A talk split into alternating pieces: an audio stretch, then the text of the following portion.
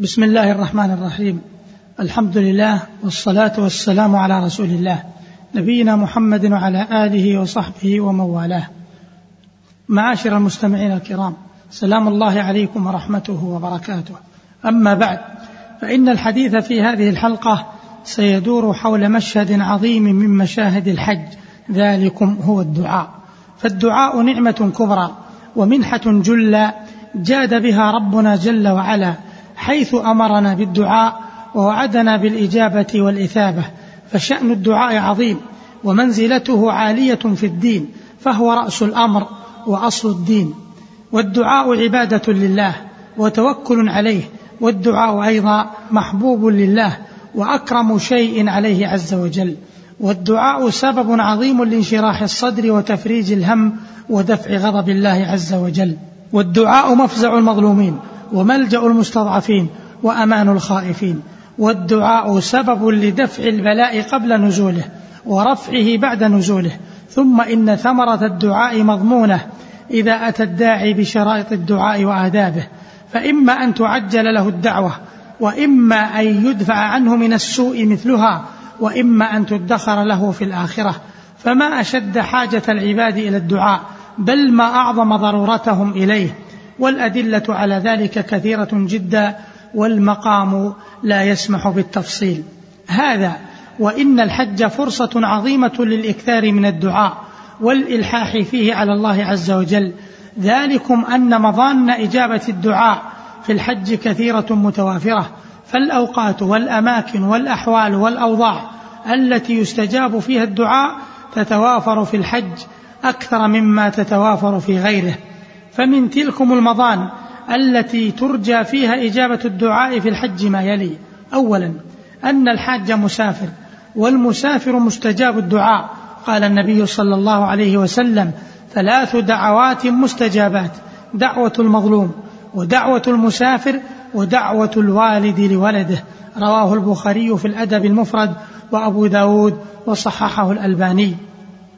ثانيا أن الحاج مستجاب الدعوة قال النبي صلى الله عليه وسلم الغازي في سبيل الله والحاج والمعتمر وفد الله. دعاهم فأجابوه وسألوه فأعطاهم. رواه ابن ماجه وصححه الألباني. ثالثا في الحج يشتد الإخلاص وذلك من أعظم أسباب الإجابة كما في قصة أصحاب الغار الذين انطبقت عليهم الصخرة كما في صحيح البخاري فكان إخلاصهم لله أعظم سبب لنجاتهم. رابعا في الحج مواضع عديدة يشرع فيها الدعاء وترجى الإجابة. فمن ذلك الدعاء عند الصفا لما جاء في صحيح مسلم من الحديث الطويل في صفة حجة النبي صلى الله عليه وسلم التي رواها جابر رضي الله عنه وفي الحديث فبدأ بالصفا فرقي حتى رأى البيت فاستقبل القبلة. فوحد الله وكبره وقال لا إله إلا الله وحده لا شريك له له الملك وله الحمد وهو على كل شيء قدير. لا إله إلا الله وحده أنجز وعده ونصر عبده وهزم الأحزاب وحده ثم دعا بين ذلك. قال مثل هذا ثلاث مرات ومن ذلك الدعاء عند المروة للحديث السابق وفيه ثم نزل المروة. حتى إذا انصبت قدماه في بطن الوادي سعى حتى إذا صعدتا مشى حتى إذا أتى المروة ففعل على المروة كما فعل على الصفا. ومن مواطن الإجابة في الدعاء في الحج الدعاء يوم عرفة. قال النبي صلى الله عليه وسلم أفضل الدعاء دعاء يوم عرفة. وأفضل ما قلت أنا والنبيون من قبلي لا إله إلا الله وحده لا شريك له. رواه مالك والترمذي وحسنه الألباني. ومن تلكم المواطن الدعاء عند المشعر الحرام كما جاء في حديث جابر الطويل وفيه ثم ركب القصواء حتى إذا أتى المشعر الحرام فاستقبل القبلة فدعاه وكبره وهلله ووحده فلم يزل واقفا حتى أسفر جدا. ومن ذلك الدعاء بعد رمي الجمرة الصغرى لما جاء في صحيح البخاري أن رسول الله صلى الله عليه وسلم كان إذا رمى الجمرة التي تلي مسجد منى يرميها بسبع حصيات ثم يكبر كلما رمى بحصاه ثم تقدم أمامها فوقف مستقبل القبلة رافعا يديه يدعو وكان يطيل الوقوف. ومن ذلك الدعاء بعد رمي الجمرة الوسطى للحديث السابق. وفيه ثم يأتي الجمرة الثانية فيرميها بسبع حصيات يكبر كلما رمى بحصاه ثم ينحدر ذات اليسار مما يلي الوادي فيقف مستقبل القبلة رافعا يديه يدعو ثم يأتي الجمرة التي عند العقبة فيرميها بسبع حصيات يكبر عند كل حصاه ثم ينصرف ولا يقف عندها. ومن ذلك الدعاء عند شرب ماء زمزم قال النبي صلى الله عليه وسلم ماء زمزم لما شرب له أخرجه أحمد وابن ماجه وصححه الألباني. هذا وإن هناك مواضع وأحوالا يشرع فيها الدعاء وترجى الإجابة غير ما ذكر ويشترك فيها الحاج وغيره ومن ذلك على سبيل الإجمال الدعاء في جوف الليل ووقت السحر ودبر الصلوات المكتوبات وبين الأذان والإقامة وعند نزول الغيث وفي السجود وعقب الوضوء وبعد الصلاة على النبي صلى الله عليه وسلم في التشهد الأخير. ومن ذلك الدعاء عند رقة القلب ودعاء المضطر ودعاء المظلوم ودعاء الوالد لولده وعلى ولده ودعاء الولد الصالح لوالده. ومن ذلك عند الدعاء بلا إله إلا أنت سبحانك إني كنت من الظالمين. وفي حال المصيبة عند قول الداعي إنا لله وإنا إليه راجعون. اللهم أجرني في مصيبتي واخلف لي خيرا منها. أيها الحاج الكريم ومما يجب عليك حال الدعاء ما يلي أن تكون عالما بأن الله وحده هو القادر على إجابة الدعاء وألا تدعو مع الله أحدا غيره لأن دعاء غير الله شرك بالله عز وجل. وأن تتوسل إلى الله بالتوسلات المشروعة كأن تسأل الله عز وجل بأسمائه الحسنى أو أن تدعو بصالح عملك أو غير ذلك من التوسلات المشروعة. وأن تتجنب التوسلات الشركية كدعاء غير الله. وأن تتجنب التوسلات البدعية كالتوسل بجاه النبي صلى الله عليه وسلم. وأن تتجنب الاستعجال. وأن تكون حسن الظن بالله. وأن تكون حاضر القلب مطيبا لمطعمك متجنبا الاعتداء في الدعاء.